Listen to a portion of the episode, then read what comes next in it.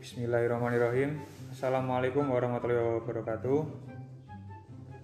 Para siswa-siswa sedaya, pripun kabarin jenengan sakniki? Sae to? Mugi-mugi sedaya kawontenanipun sae. Nempangaken nami kula Zakaria teng mriki kula badhe ngewangi kanca-kanca ngagem ngaturaken materi lan kula teng mriki dikancani kalian Nepaken kula Rani Ambarwati. Nggih, matur nuwun Ibu Rani. Ing kesempatan sak menika kita sareng-sareng badhe bahas materi basa Jawi. Lan topik pembel- pembelajaranipun sak menika inggih punika tentang kaping setunggal unggah-ungguh basa Jawa, kaping kalih unggah-ungguh tetepungan, kaping tiga unggah-ungguh wong mlaku lan tata krama pas numpak kendaraan, ingkang kaping sekawan geguritan.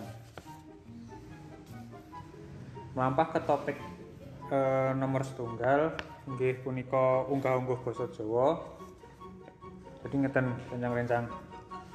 Awak dhewe selaku wong Jawa kudu ngerti lan iksa mraktekake unggah-ungguh basa Jawa ingkang becik diterapake. Supaya aura wong Jawa kang becik tetep pelestarekaken. Nanti anak cucu awak dhewe sesuk lan aja ngasih pudar. supaya wong Jawa tetep dipandang apik lan sopan karo wong Jawa. Nah, kepripun to, Bu?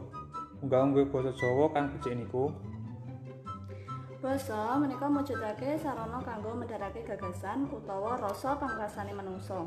Kangge medharake gagasan utawa pangrasa iku mau bisa diwujudake kanthi pocapan, sarana tulisan, bisa uga sarana sasmita utawa isyarat mula banjur diarani basa lisan, basa tulis lan basa isyarat.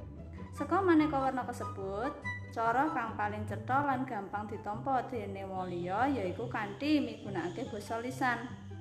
Warnane unggah-ungguh basa kaperang ana werna loro.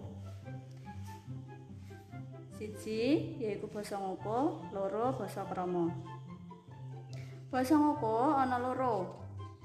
Ngoko lugu yaiku kabeh tembung kang digunakake ngoko. Lumrahe digunakake marang sakbaraan utawa saumuran.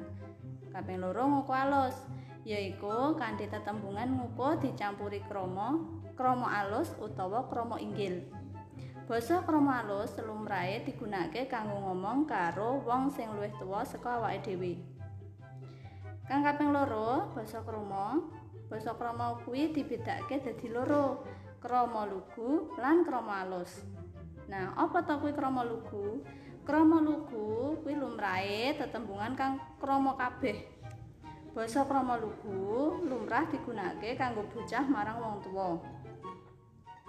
Krama alus yaiku lumrahe tetembungan kang digunakake krama dikantheni krama inggil. Basa krama alus biasane digunakake kanggo anak marang wong tuwa, murid marang guru, lan wong kang umure luwih dhuwur adoh saka awake dhewe. Nggih, matur nuwun. Ngeten wae rencang-rencang. Sampun sampun do paham to? Niki kita lanjutaken eh, topik ingkang nomor kalih. Nggih punika unggah-ungguh tetepungan utawa pertemuan. eh, awak dhewe mesti duwe kanca lan sedulur. Nah, mesti awak dhewe ya tahu ketemu kanca apa sedulur ning dalan umpamane. Tur iku tanpa disengaja. Nah, kepripun to, Bu? Nek kita pas ketemu kanca utawa sedulur terus ruruan ngagem pesrawungan ingkang becik lan sopan iku kepripun? Sakjroné pasrawungan, aja lali tansah nganggo unggah-ungguh supaya awake dhewe bisa srawung kanthi becik lan ora dadi cacating liyan. Ing wulangan iki, para siswa bakal sinau bab tata krama kanggo tetepungan kang trep karo unggah-ungguh Jawa. Bab kang wigati kudu digatekake nalika tetepungan yaiku siji migunakake basa kang trep, loro patrape kanthi sopan, telu migunakake tetembungan umpamane nderek nepangaken nama kula sinten? Griya kula ing pundi? Asma panjenengan sinten? Nggih, matur nuwun, Bu. Pripun kanca-kanca sampun rada paham to niki sing kekalih tentang unggah-ungguh tetepungan apa pertemuan. Nggih matur nuwun. Kita lanjut topik nomor 3. Nggih punika unggah-ungguh wong mlaku lan tata krama pas numpak kendaraan. Salajengipun kita bahas tentang bab patrap kita pas mlaku lan pas numpak kendaraan. Kita pas mlaku teng dalan utawa teng pundi mawon kudu duwe tata krama supaya wong liya sing teng kiwa tengen kita eh mboten keganggu lan bisa gawe nyaman terus mboten ngrubekaken wong liya. Lah, pripun to, Bu? Tata krama ingkang becik pas kita lagi melampah utawa mlaku lan pas numpak kendaraan. Supayane selamat, wong mlaku kudu gelem nuhoni pranatan utawa aturan utawa unggah-ungguh kang lumaku ing dalan. Upamane, nalika mlaku kudu nganggo tata krama lan unggah-ungguh. Yen mlaku, nalika mlaku liwat ngarepe wong tuwa, kuwi kanthi alon. Awak rada bungkuk karo matur nuwun sewu kepareng derek langkung. Sabanjure unggah-ungguh nalika mlaku nglancani nglancangi wong tuwa kanthi matur nuwun sewu kepareng ngrumiyini. Dene tata krama nalika mlaku ing dalan yaiku siji mlaku turut sisih kiwa. Loro jejer paling akeh loro. Telu kanthi ngati-ati ngewasake kiwa tengen. Papat ora kena karo bengak-bengok. 5. Ora sinambi gojekan utawa dolanan HP. 6. Nalika nyebrang dalan dalan gedhe kudu ngewasake kiwa lan tengen. Pitu nalika nyebrang lewat papan kang wis dicawisake yaiku zebra cross.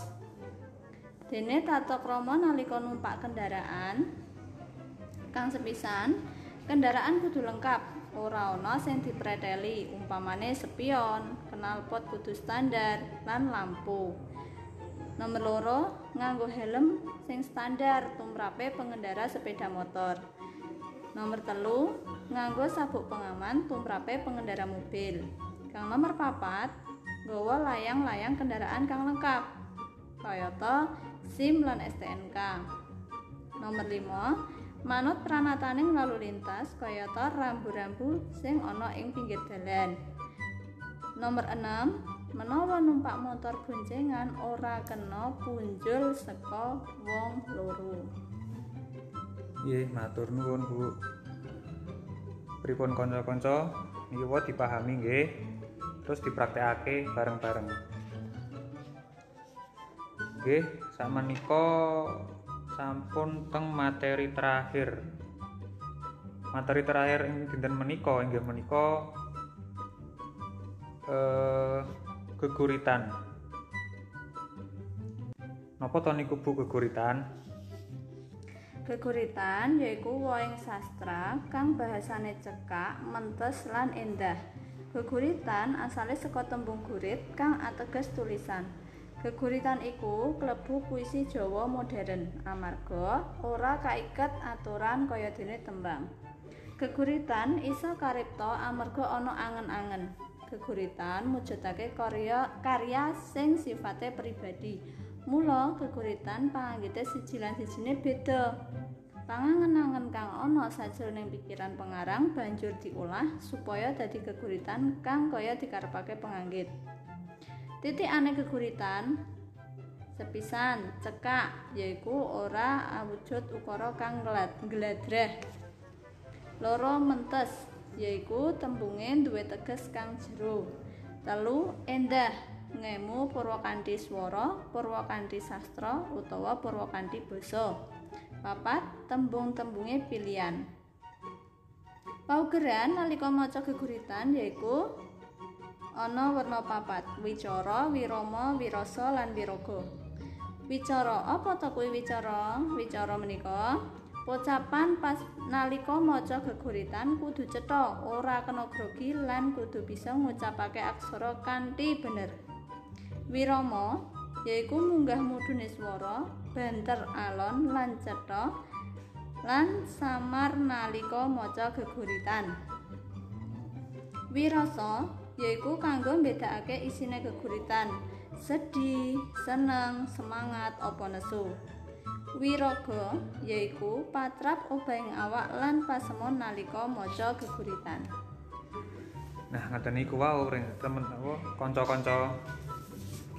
Mugi-mugi saged nambah ilmu ngalamane kanca-kanca sedanten. Eh nggih, matur nuwun. Mboten krasa wektu kita dinten punika sampun telas. Lan samonika sampun ten acara penutup. Mugi-mugi materi basa Jawi dinten punika saged diserap lan tinggi sinau kanca-kanca sedanten. Saking Ibu napa wonten eh, pesen-pesen ingkang ajeng diucapake ngagem rencang-rencang sedanten sing sinau teng griya? Eh ingkang baku kula namung weling dumateng para lare utaminipun basa Jawa menika basa ingkang kudu dijaga sing kudu dijaga pramila dikulinake menawi wonten griya menika menawi ngendika menawi ngomong cara gampangane niku biasakan ngangge basa Jawa Nggih, ngeten. Mawon Nggih. Matur nuwun. Eh nggih, kula selaku moderator lan mewakili Ibu Guru ngucapake nyuwun agunging pangapunten mbok pilih menawi gadah kasala kasalahan kalepatan anggone pitutur lan tumindak ing dinten punika. Wassalamualaikum warahmatullahi wabarakatuh.